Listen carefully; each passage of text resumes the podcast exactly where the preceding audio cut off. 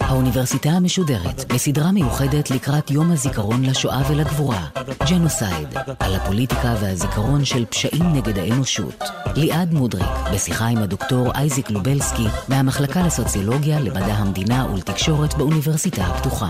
והפעם, כיצד מגדירים רצח עם. עורכת ראשית, מאיה גאייר.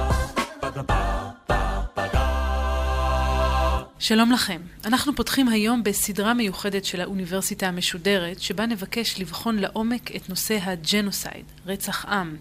בישראל השואה כמובן נוכחת מאוד, החל במערכת החינוך וכלה בשיח הציבורי והפוליטי, אבל אנחנו לומדים ושומעים הרבה פחות על מקרי רצח עם אחרים שאירעו לאורך ההיסטוריה בכלל ובמאה ה-20 בפרט. בסדרה הנוכחית ננסה להבין כיצד מאופיין רצח עם ומהם השורשים ההיסטוריים, האידיאולוגיים והפוליטיים שעומדים מאחוריו. לצד ההיבטים התאורטיים והמשפטיים הללו נבחן כמה מקרי בוחן של רצח עם שהתרחשו במאה ה-20 ונדון ביחס ביניהם לבין השואה. כל זה ועוד בסדרה בת ארבעת הפרקים, שאותה נערוך בצוותא עם דוקטור אייזיק לובלסקי, מרכז הקורס ג'נוסייד וחבר המחלקה לסוציולוגיה, למדע המדינה ולתקשורת באוניברסיטה הפתוחה. שלום לך. שלום רב. אז אולי בתור נקודת פתיחה ניתן הגדרה. איך אנחנו מגדירים ג'נוסייד, או בעברית רצח עם? ההגדרה היא סיפור אה, לא כל כך פשוט, ובשביל להבין אותה במלואה צריך אה, לדבר על כמה פרמטרים שבלעדיהם בדרך כלל לא נוכל להתייחס לג'נוסייד כאל ג'נוסייד. אנחנו בדרך כלל אה, מדברים על אה, מקרה שבו מטבע הדברים אה, קיימת אלימות בעצימות גבוהה וקיים הרג של אוכלוסייה בקנה מידה נרחב, אבל אפילו הדבר הזה לא ברור דיו, כיוון שאין לנו נניח מספר מסוים מינימלי. אין סף. בדיוק, שקורבנות, שאנחנו אומרים, אוקיי, החל מ-300 אלף, החל מ-3 מיליון וכולי, זה יכול לחשב לג'נוסייד. ואפילו לא נוח לנו לדבר על זה, נכון? לתת פה פתאום מספרים שיגידו, אוקיי, מכאן והלאה זה נחשב לרצח זה כמעט מגוחך אפילו, שלא לומר אה, מעורר תהיות. יש חוקרים שנותנים את דעתם על הסוגיה הזאת. כן מנסים לקבוע, לתת אה, סימנים ולקבוע מספרים. אה, בכיוון הזה אני בדרך כלל נוטה לא להתייחס לסיפור הזה כאל משהו משמעותי, אלא יותר לנתון אחר, והוא סך הכל הקורבנות מתוך... סך הכל אה, המספר הכללי של הקבוצה הנרצחת. כלומר, כמה אחוזים מבני ובנות קבוצה מסוימת נרצחים, זה דבר שנותן אינדיקציה יותר טובה לגבי היכולת של מי שרוצה להשמיד אותם, באמת לעשות את זה באופן מסודר. ג'נוסייד הוא דבר שקודם כל אנחנו מחפשים בו כוונה מראש, תכנון מראש. כלומר, הוא לעולם לא יהיה אירוע של אלימות ספונטנית. תמיד יהיה שם אה, סוג של כוונה מראש, כמו רצח בכוונה תחילה. וגם כאשר אנחנו עוסקים במחקר, ובוודאי גם כאשר אה, שופטים עוסקים במשפט של ג'נוסייד, זה הדבר הראשון שאותו הם יחפשו, את ההוכחות לתכנון מראש ורצח אה, בדם קר של קבוצה של בני אדם. עכשיו, הסיפור הזה רק הולך ומסתבך, כיוון שאם אנחנו מסתכלים על ההגדרות הפורמליות שמקובלות בזירה הבינלאומית, הרי שאמנת האו"ם למניעת וענישת הפשע ג'נוסייד מ-1948 היא אמנה שבה מנויות ארבע קבוצות. שאם אה, נעשה ניסיון אה, לביצוע השמדה כנגדן, הרי שהאמנה הזאת מכירה בכך כניסיון לג'נוסייד. בסך הכל מדובר שם בארבע קבוצות, קבוצה לאומית, קבוצה אתנית, קבוצה גזעית וקבוצה דתית, כאשר אה, בשביל ההבנה של האבסורד, רק כשאנחנו מסתכלים על המאה ה-20 ורואים כמה אנשים חוסלו בשל סיבות פוליטיות במאה ה-20, אם בברית המועצות של סטלין, אם בסין של מאו זדונג ובעוד מקרים, מספרם הכולל הוא גדול בהרבה. מאשר המספר הכולל של כל ארבע הקבוצות האלה שכן מנויות באמנת האו"ם. אז תכף נגיע לאבסורד, וגם אולי נשאל עוד כמה שאלות בסיס, אבל לפני כן אני רוצה להבין, הגדרת כאן ארבע קבוצות או ארבע הגדרות, בוא נבין מהי כל אחת מהן. אז אמרת לאומית. קבוצה לאומית מטבע הדברים היא קבוצה שיש לה פרטנזיות לאומיות, אה, זה יכול להיות מיעוט לאומי שגר אה, במדינה מסוימת שבה יש רוב שמשתייך לקבוצה לאומית אחרת. עוד הגדרה בסיסית לג'נוסייד היא בדרך כלל שקבוצת הרוב בעלת אה, העוצמה המוחלטת היא זו שטובחת בקבוצת מיעוט חסר אונים, במקרה כזה זה יכול להיות מיעוט לאומי. דוגמה למשהו כזה יכול להיות הג'נוסייד שהתבצע בעם הארמני ב-1915, במלחמת העולם הראשונה. שנקדיש לו תוכנית מיוחדת, הפרק הבא. בהחלט. הייתה להם פרטנזיה לאומית, אה, לאוטונומיה או למדינה עצמאית משלהם, ובדרך כלל במחקר מקובל אה, לראות את החיסול שלהם כנובע מסיבות לאומיות. הקבוצה הגזעית היא קבוצה באמת שיש לה דוגמאות רבות, השואה כמובן, הדוגמה הקלאסית, החיסול של היהודים במלחמת העולם השנייה מתבסס אה, על תפיסתם כקבוצת גזע, או אפילו כתת גזע, למען האמת בידי הנאצים, בניגוד לטעות הרווחת בישראל, שבה הרבה פעמים אנשים סבורים שהיהודים חוסלו בשל דתם, הדבר הזה הוא כמובן לא רלוונטי, הנאצים היו אתאיסטים לחלוטין, והיהדות כדת עניינה אותם רק בגלל שהיא הייתה אימה של הנצרות, שגם אותה הם די תאהבו.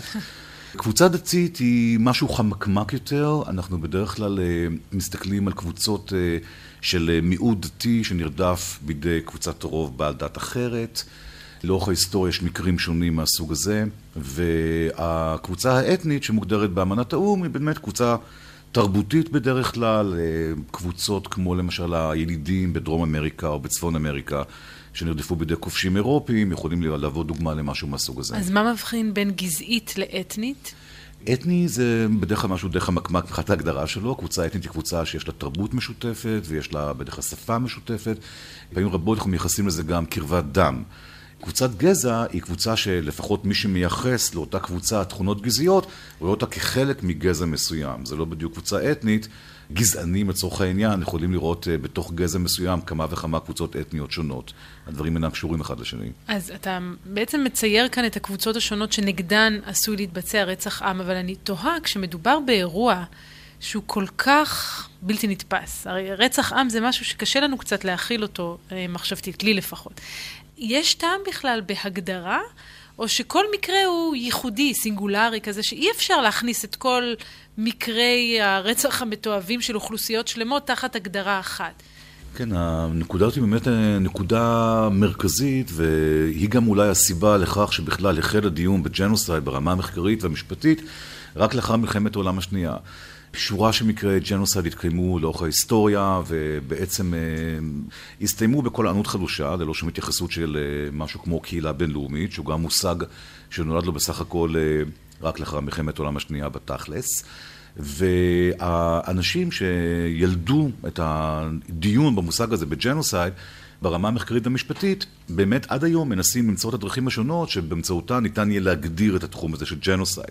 עכשיו, השאלה מדוע בכלל להגדיר את התחום, היא שאלה שהתשובה לה היא די ברורה, לפחות בעיניי, כיוון שאנחנו לא יכולים להתייחס לכל מקרה שבו אנחנו רואים אלימות בעצימות גבוהה כג'נוסייד. יש הרבה מאוד מקרים שבהם נפגעות קבוצות אוכלוסייה גדולות, ולא מדובר שם בג'נוסייד. תקחי בתור דוגמה את אה, מלחמת האזרחים אה, בסוריה. בשנים האחרונות, שנרצחו שם אה, מאות אלפי אנשים, האמת רובם חיילים. זה אנשים לפעמים לא מודעים לכך, אבל כמובן גם לא מעט אזרחים ואזרחיות. וכשאני פוגש סטודנטים וסטודנטיות הרבה פעמים, זו השאלה המיידית שעולה, האם מה שקורה שם זה ג'נוסייד?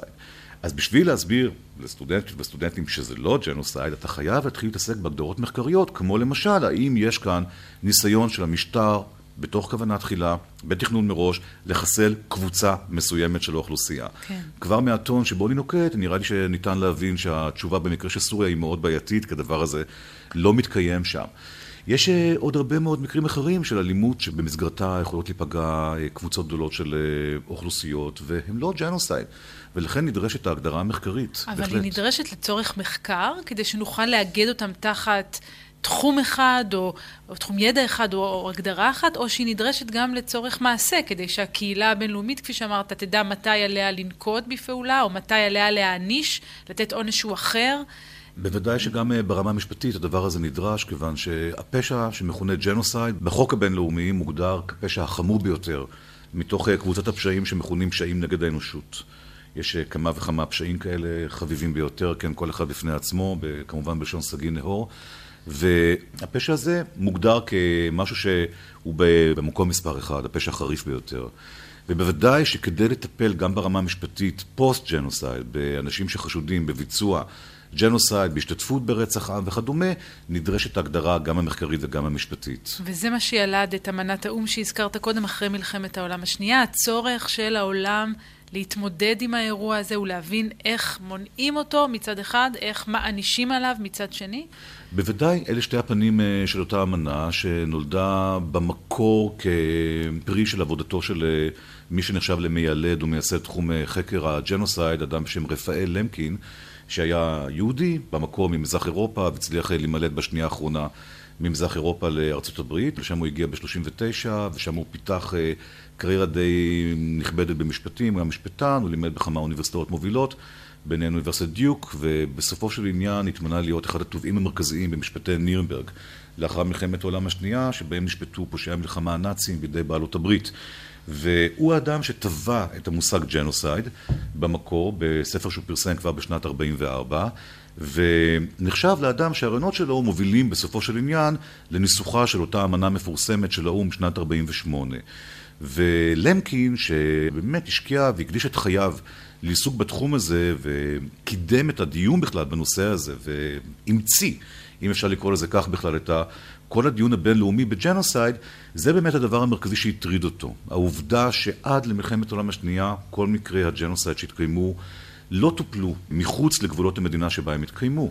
והוא השתמש ברמה מסוימת, ברמה התודעתית והתועמלנית, באירועי מלחמת העולם השנייה, בראשם השואה כמובן, אבל לא רק היא, גם אה, רצח הצוענים וגם אה, השמדה של קרוב לשלושה מיליון פולנים במלחמה וכל פשעי המלחמה האחרים שביצע המשטר הנאצי כאיזשהו מנוף שהכשיר את דעת הקהל העולמית לקבל על עצמה סוף סוף את העניין הזה ולטפל בג'נוסייד כעניין בעל חשיבות בינלאומית. אז מה אומרת האמנה? האמנה אומרת כמה דברים אה, שבחלקם הם מאוד יפים, בחלקם הם מאוד בעייתיים. הדבר היפה באמנה הוא העובדה שהיא מנסה לראשונה למעשה בהיסטוריה לתת איזושהי הגדרה, כפי שציינת קודם, למהו בכלל ג'נוסייד. קודמת לאמנה הזאת איזושהי החלטה של אה, העצרת הכללית של האו"ם משנת 46, שבה לראשונה למעשה יש דיון בכלל בנושא של ג'נוסייד, החלטה מאוד קצרה, שבה גם נמנות מהם הקבוצות שכנגדן אה, מתבצע ג'נוסייד והרציונל שעומד מאחורי הטיפול הבינלאומי בפשע הזה. אבל אותה החלטה היא החלטה מאוד מאוד קצרה והיא באמת בגדר אה, משהו שהוא החלטה יחסית לא בעלת אה, עומק משפטי מבחינת ארגון האומות המאוחדות והאמנה של 48 שההצבעה עליה מתקיימת כשנתיים לאחר ההצבעה על אותה החלטה מ-46 מרחיבה את הסוגיה אבל גם מצמצמת אותה במידה מסוימת כפי שאני אסביר מיד. קודם כל, אה, בשני המסמכים האלה, גם ב-46 וגם באמנה הסופי ב-48, מדובר על כך שג'נוסייד הוא פשע שחייב לעניין את הקהילה הבינלאומית. ושברגע שהוא מתקיים, הטיפול בו לא יכול להישאר אך ורק בתחום סמכויותיה של המדינה שבה הוא מתבצע. עכשיו, העניין הזה, היסוד הפילוסופי מאחוריו הוא יסוד בעיניי מרתק. כיוון שהוא מביא למעשה לתודעה של הקהילה הבינלאומית למעשה של כולנו, מה זה קהילה בינלאומית? כל האנשים והגברים שחיים בעולם הזה, מביא לתודעתם איזשהו רעיון אה, בעל אה, מהות פילוסופית שבעיניי הוא רעיון חשוב ו- וחדשני לאותה תקופה לפחות, שבמסגרתו כל המין האנושי נתפס כגוף אחד. והתפיסה הזאת גורסת שברגע שאיבר מסוים מהגוף הזה, של המין האנושי, במקרה הזה קבוצה אנושית שעוברת ג'נוסייד, ושחלק מחברותיה וחברותיה נרצחים, או כולם, הרעיון הוא שכל הגוף האנושי ניזוק כתוצאה מאותה פגיעה. ובעיניי זה דבר מאוד בסיסי ומאוד חשוב. אגב, אני קוראת כאן את המסמך המקדים שציינת קודם, mm-hmm. שהקדים את האמנה משנת 1946, ואני שומעת את ניצני התפיסה הזו גם שם, mm-hmm. כשהם כותבים, השמדת קבוצות אנושיות שלמות מזעזעת את מצפונו של המין האנושי וגורמת לאובדן לאנושות כולה, מבחינת התרומה התרבותית או כל תרומה שתרמו קבוצות אלו, והיא נוגדת את החוק המוסרי ואת רוחו ומטרותיו של האו"ם. מקרים רבים של פשעים מסוג רצח עם התרחשו כאשר קבוצות גזעיות, דתיות ואחרות הושמדו, במלואן או בחלקן, העונש על פשעים אלו הוא עניין בינלאומי. אז כפי שאתה אומר, יש פה דיבור בשם האנושות, כאילו מדובר בקולקטיב אחד. זה דבר אה, באמת אה, בעיניי חשוב. זה מזכיר לי דוגמה שבדרך כלל אני מדבר איתה עם הסטודנטים והסטודנטים שלי בדיוק בהקשר למסמך הזה, כשאני מנסה להסביר את העניין הזה לעומקו. ובמסגרת המשל הזה אני מבקש מאנשים לנסות ולשער מה היה קורה אילו היטלר היה עולה לשלטון בגרמניה לא ב-1933, אלא נגיד 30 שנים קודם, ב-1903. לא משהו שכל כך קשה לנסות ולדמיין אותו. ואנחנו יכולים לנסות לדמיין במסגרת התרגיל האינטלקטואלי הקטנטן הזה, אלו יהודים בדיוק שהתפרסמו מאוד בדיוק באותה תקופה, אנשים כמו זיגמונד פרויד למשל, שמפרסם את פשר החלומות ב-1905, אנשים כמו אלברט איינשטיין כמובן, שמתפרסם אה, בתווך בתקופה הזאת, ועוד אה, רבים ורבות אחרים, אלו אנשים כאלה לעולם לא היינו שומעים עליהם בכלל, אילו הג'נוסייד, השואה כנגד היהודים, הייתה מתבצעת 30 שנים קודם. אז זו בדיוק המהות של הפסקה הזאת. בכל מקרה ג'נוסייד שמתבצע בעולם שלנו, גם בעבר, גם בעתיד מקרים שעתידים להתבצע, תמיד תחוסל קבוצה של בני אדם, שלנו לא תהיה שום אפשרות לדעת בכלל איזה תרומה אותם אנשים היו יכולים להעניק. אם זה תרופה, אם זה יצירת אומנות מרהיבה, כן. אם זה כל דבר אחר שאנחנו יודעים ליצור עם המוחות המדהימים שלנו. והאמנה לא מתייחסת רק לביצוע השמדת עם או רצח עם בפועל, אלא גם לניסיון או קשירת קשר. זאת אומרת, מספיק שאתה תעלה על דעתך או תפעל בכיוון הזה, ואתה תימצא אשם, אשם מילה לא נכונה, כי זה לא מסמך משפטי בהקשר הזה, אבל בר שיפוט, בדיוק. בהחלט, יש שם כמה סעיפים שבהם אה, לאו דווקא רצח ישיר של בני אדם עשוי להביא את מי שמואשם במסגרתם לבית המשפט. גם השתתפות בכל סוג של ג'נוסייד מוגדרת כמשהו שניתן לשפוט עליו. גם אה, קשירת קשר, גם ניסיון הסתה לג'נוסייד, גם אם זה לא יוצא לפועל. הדבר הזה יכול אה, להביא אותך או אותך לבית המשפט. וגם סעיפים מעט יותר אה, תמוהים, כמו למשל סעיף שבו נכתב שהעברה של ילדי הקבוצה, או חלק מילדי הקבוצה הנרדפת, למשפחות אה, אחרות, אה, זה גם דבר שעשוי לתפס כביצוע ג'נוסייד.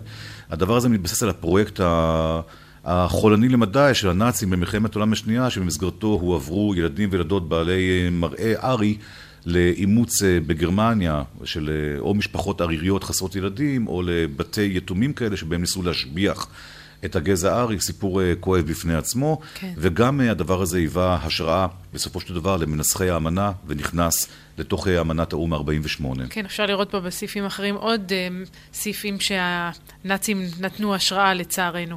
להם, כמו העמדת הקבוצה בכוונה תחילה, בתנאי חיים שיש בהם כדי להביא לידי השמדתם הגופנית, אבל גם מתייחסים כאן לקביעת אמצעים שמטרתם למנוע את הילודה בקבוצה, שזו דרך אחרת להשמיד אותה. בוודאי, לחלוטין, ואולי כיום הדבר הזה נראה פחות uh, כואב, או בעל פחות uh, פוטנציאל להיות כואב, אבל בשנת 48', כאשר המסמך הזה מנוסח, אין עדיין בכלל בעולם את טיפולי הפוריות וכדומה שמאפשרים אה, לנשים נניח להיכנס להיריון לבד. ובמקרה הזה הכוונה היא שאם אתה רוצה לגרום לקבוצה אה, להפסיק ולהתקיים, אתה לא חייב לרצוח את כל הפרטים שנמצאים באותה קבוצה, מספיק שתפריד בין הגברים לבין הנשים, תמנע מהם אפשרות להזדווג, וככה בעצם תביא להפסקת קיומה של אותה קבוצה, ותוכל אה, להמשיך ולשמור על המבט ההומניסטי בעיני עצמו שלך כמבצע. אז האמנה מ-48 היא בעצם הרחבה וביסוס של המסמך מ-46, או שהיו שם גם דברים ב-46 שדווקא לא מצאו את דרכם ל-48? ברמה מסוימת היא בהחלט הרחבה של אותו מסמך, ברמה מסוימת היא עשיית מעשים אה, לא נחמדים כל כך באותו מסמך, וזה הדבר שהתכוונתי אליו קודם לגבי ההיבטים הפחות חיוביים של האמנה. כן. במסמך שציטטת קודם אה, כתוב שג'נוסייד הוא ג'נוסייד כאשר נרדפת או נרצחת קבוצה גזעית, דתית, פוליטית. ויש שם עוד אה, משהו שהוא משאיר פתח אה, משפטי, כתוב בקבוצות אחרות. פוליטית לא הופיע באמנה שדיברנו עליה. נכון. בארבע ובא... הקבוצות שהגדרת לא שמעתי פוליטית. נכון, כי באותם שנתיים שחלפו בין אותה החלטה של העצרת הכללית של האו"ם ב-46 לבין האמנה שמועלית להצבעה בדצמבר 48 באו"ם, מופעלים לחצים פוליטיים רבים, כנראה מצידה של ברית המועצות, שבראשה עומד באותה תקופה סטלין, וסטלין לא מעוניין שמשהו בסיפור הזה יוכל בכלל לחול או לגרום לבעיות כאלה ואחרות לברית המועצות, שבה בדיוק בשנים האלה מתבצע טיהור פוליטי בקנה מידה נרחב ביותר, וכפי הנראה זו הסיבה לכך שהעניין של הקבוצה הפוליטית מושמט בסופו של דבר. מהאמנה. אה, וזה ה... תוקן אגב מתישהו, או שגם היום הטיהור לא פוליטי או רצח אה, עם פוליטי, לא יודעת איך לקרוא לזה, רצח קבוצה פוליטית, רדיפה פוליטית, הוא לא חלק מהסיפור. הוא לא חלק מהסיפור של אמנת האו"ם, אבל עם זאת, אמנת האו"ם אינה בגדר חוק מחייב על פני האדמה, היא לא החוק העליון על הארץ. היא בסך הכל אה, מסמך שבו מדינות העולם שחתמו עליו מביעות איזשהו חזון שבו הן אומרות, ככה אנחנו רוצים לחיות, זה העולם שאנחנו רוצות לחיות בו. ומהבחינה הזאת אה, ציינתי גם קודם שרוב מקרי הג'נוסייד שהתבצעו בנגיד מאה השנים האחרונות, אכן התבצעו על בסיס פוליטי, כן. של קבוצות פוליטיות, וזה האבסורד הגדול באותה אמנה ב-48, שדווקא המקרה הדומיננטי ביותר של אה, רצח של קבוצה שבני אדם לא מופיע בה בכלל. אז אה, זה לא אומר שדבר כזה יכול להתבצע ולעבור בשקט, ממש לא, אבל עובדתית, בתוך הדיון של האו"ם, הסיפור הזה פשוט לא קיים, הוא לא מתקיים. אבל האמנה התרגמה לכדי חקיקה שבסופו של דבר אפשרה לשפוט אנשים בבית הדין הבינלאומי או בתוך מדינות? בהחלט כן, כלומר יש את הזרוע המבצעת המשפטית של ארגון האו"ם, קודם כל בתי הדין האזוריים שהוקמו החל מבית הדין בנירנברג, עוד לפני בכלל כתיבת האמנה הזאת, אבל uh, בהמשך הדרך גם במקומות רבים אחרים, גם אחרי הג'ונסט ברואנדה של 94 הוקם... Uh, שגם לו לא ב... אנחנו נקדיש פרק מיוחד. בהחלט, הוקם uh, בית דין בינלאומי שפועל uh, במדינה שכנה, בטנזניה, בעיר בשם ארושה, וגם uh, בקמבודיה, שם בוצע רצח עם בבסיס פוליטי. בשנות ה-70 המאוחרות, בתקופתו של שליט חולני למדי בשם פול פוט, גם שם הוקם בית דין אזורי פלילי בינלאומי, וגם במקומות אחרים. ומעבר לכל אלה, הקהילה הבינלאומית יסדה בשנת 98, במסגרת אה, ועידה שהתקיימה ברומא באיטליה, בית דין אה, פלילי בינלאומי עם סמכויות נרחבות יותר, שהתחיל אה, לעשות את דרכו בשדה המציאות ב-2002, זה בית הדין המפורסם הבינלאומי שפועל בהאג, בהולנד. אבל זה לא פשוט, אני מתארת לעצמי, אה, להרשיע אנשים ברצח עם, וגם יש כאן שאלה של מדרג, נכון? יש את המנהיגים, יש את המפקדים, אנחנו כולנו זוכרים את ההגנה של אייכמן, שהוא היה בורג קטן במערכת. עד לאן זה יכול להגיע? הסיפור הזה הוא סיפור סופר בעייתי. והוא בעייתי גם מסיבות נוספות שברשותך אני אמנה אותן אה, בקצרה. כן. כשאנחנו מסתכלים על מקרים של ג'נוסייד שמסתיים, זה יכול להיות אה, ג'נוסייד מזעזע כזה או אחר, לא משנה בכלל באיזו מדינה ומהו מספר הקורבנות. בדרך כלל התוצר הסופי של מקרה כזה הוא מדינה מפוררת והרוסה. ומספיק לדמיין את גרמניה שלאחר מלחמת העולם השנייה, אה, לא שאני מבקש כאן רחמים על הגרמנים, זה לא הרעיון, אבל פשוט ברמת המציאות. ובוודאי שמקום כמו רואנדה ב-94, בוודאי שגם מקומות אחרים אחרי ג'נוסייד הם מקומות לא מתפקדים. בדרך כלל מה שקורה, לא תמיד, אבל פעמים רבות מה שקורה הוא שלאחר שג'נוסייד מסתיים, הממשלה שביצעה אותו ויזמה אותו נופלת או מתחלפת. לפעמים זה לא קורה, לפעמים אותה ממשלה כן. נשארת בשלטון. אבל בפועל המציאות היומיומית שהממשלה או החדשה או הממשלה שממשיכה את דרכה צריכה להתמודד איתה עם מציאות מאוד קשה, גם ברמה הכלכלית, גם ברמה החברתית, גם ברמה של מתחים, גם ברמה של צורך באיזשהו סוג של פיוס בין הקבוצות שעד אה, אתמול אה, נרצחו ורצחו.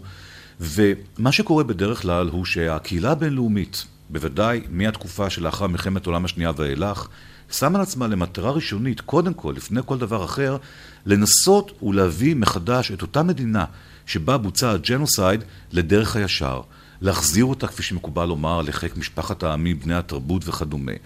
עכשיו, הפעולה הזאת של להחזיר נגיד את גרמניה המערבית אחרי מלחמת העולם השנייה לתוך אה, חיק משפחת העמים התרבותיים ולהחזיר את רואנדה ב-94 לתוך אה, משפחה של עמים תרבותיים וכדומה, היא פעולה שבדרך כלל מראש מונעת העמדה של כל מי שצריך לעמוד לדין, להיות מועמד לדין. כי אם אה, נניח, תחשבי על כך, אה, היינו צריכים להעמיד לדין את כל פושעי המלחמה הנאציים, כן. היה מדובר במיליונים של אנשים שהיו עומדים לדין, במיליונים של מקומות בבתי כלא שהיו צריכים להיבנות ברחבי גרמניה במספרים אה, עצומים מבחינת המטראז' הבנוי, כן. במזון שצריכים להאכיל את האנשים האלה, במדים שצריכים להלביש אותם, בכל הפעילויות שמתרחשות בבתי כלא וכדומה. הדבר הזה היה מרסק את כלכלתה של גרמניה, מונע בכלל את האפשרות שמערב גרמניה תעמוד על הרגליים ותהפוך להיות המעצמה התעשייתית שהופכת להיות בסופו של דבר. כך גם במקום עני כמו רואנדה, אם השתמשתי בדוגמה שלה, מדינה מאוד ענייה ב-94 בשנת ביצוע הג'נוסייד.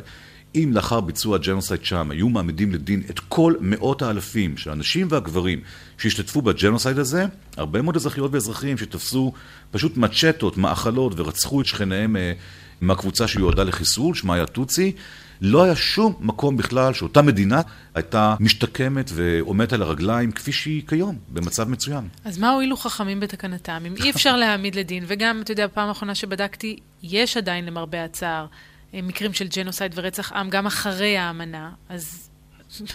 ומה יועילה לנו האמנה כאן אנחנו מגיעים למקום הכאוב שאליו אני תמיד מגיע כשאני חושב על הנושא הזה, ובאמת זה מקום כאוב מאוד, שבמסגרתו אין לך ולי אלא להגיע למסקנה שמדובר כאן במשהו שבגדר עשיית רושם, בעיקר. או בחינוך לצורך העניין. כן. הדוגמה של משפטו של אדולף אייכמן אה, ברמה של השימוש התועמלני החיובי, כן, אה, של מדינה, המדינה ששמה לעצמה כמטרה לייצג את אה, הצדק עבור קורבנות הנאצים, היא דוגמה מובהקת. אייכמן אמנם לא היה זוטר, בניגוד למה שהוא טען, הוא היה בכיר למדי, ובוודאי שלא היה מדובר לא בהיטלר ולא בהימלר ולא באלפרד רוזנברג, ולא באף אחד מה, מהשלישייה או רביעייה או אפילו חמישייה הראשונה של הצמרת הנאצית. ועדיין, כשאנחנו שופטים מישהו כזה, אנחנו מסייעים לקורבנות, או לקרובי המשפחה של הקורבנות, או לניצולים, לבצע איזשהו סוג של סגירת מעגל. כן. גם ברמה הפסיכולוגית וגם ברמה שמאפשרת להמשיך הלאה. זו החשיבות המרכזית של, אה, לפי דעתי, של הטיפול המשפטי בפושעי ג'נוסייד. בוא נדבר רגע על המחקר של אה, רצח עם. הצלחתם למשל לזהות תנאים מקדימים להיווצרות רצח עם שהם אה, משותפים לכלל המקרים ההיסטוריים שעונים על ההגדרה הזאת?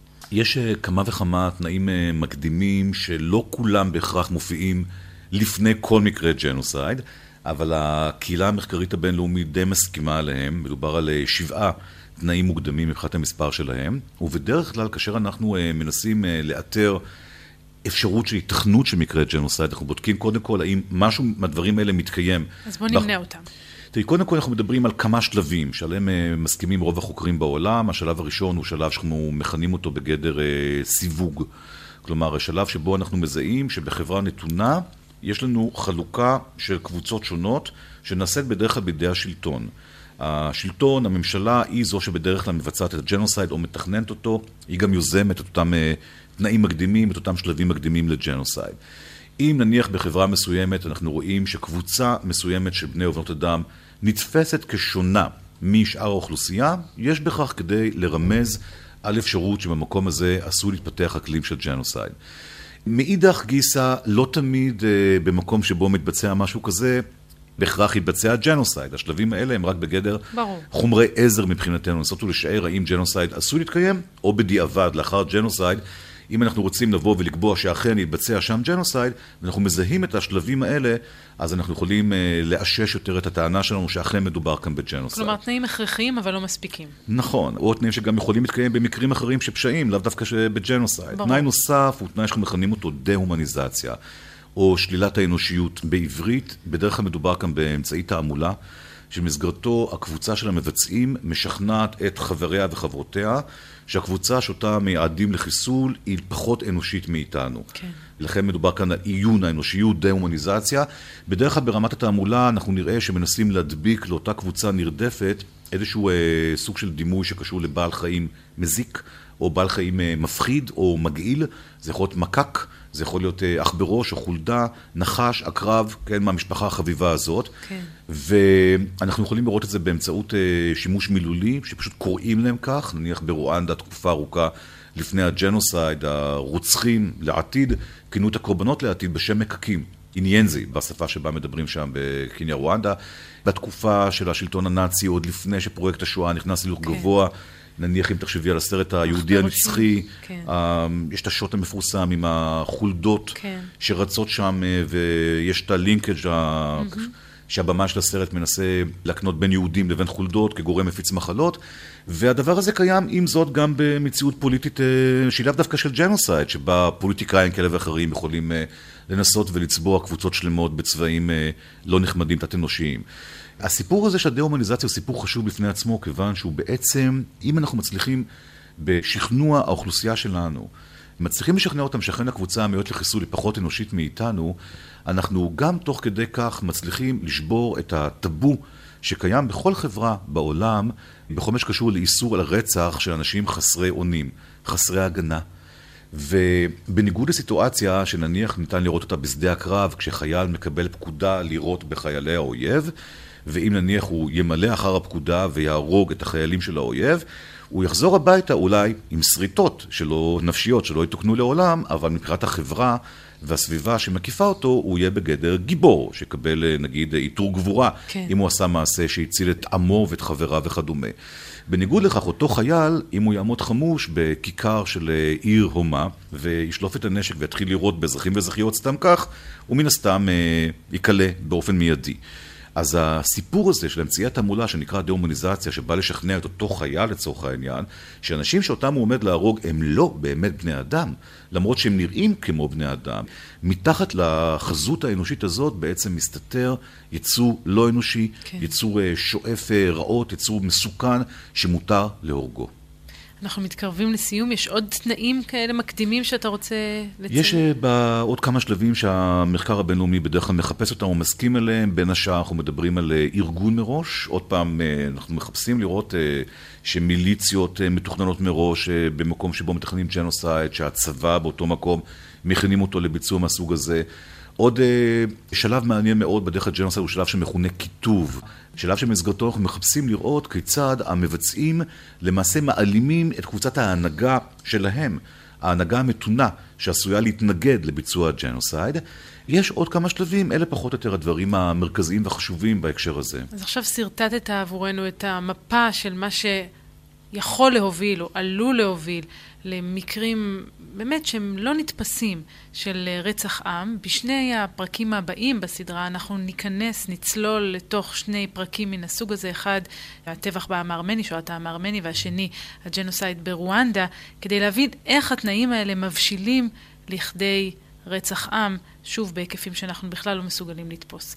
אני רוצה מאוד להודות לך על שיחת הפתיחה הזו, ואנחנו ניפגש כאן גם בפרק הבא. תודה רבה לך, דוקטור אייזיק לובלסקי. תודה, להתראות. Ba-da-ba-ba-ba. Ba-da-ba-ba-ba. Ba-da-ba-ba-ba. Ba-da-ba-ba-ba.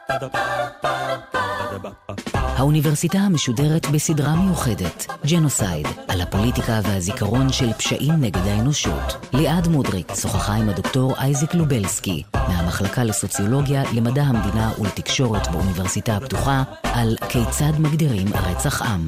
עורכת ראשית, מאיה גאייר. עורכים ומפיקים, עומר עובדיה ודניאל סלומון. ביצוע טכני, הילה מזרחי. האוניברסיטה המשודרת, בכל זמן שתרצו, באתר וביישומון גלי צה"ל ובכל מקום בו אתם מאזינים להסכתים שלכם.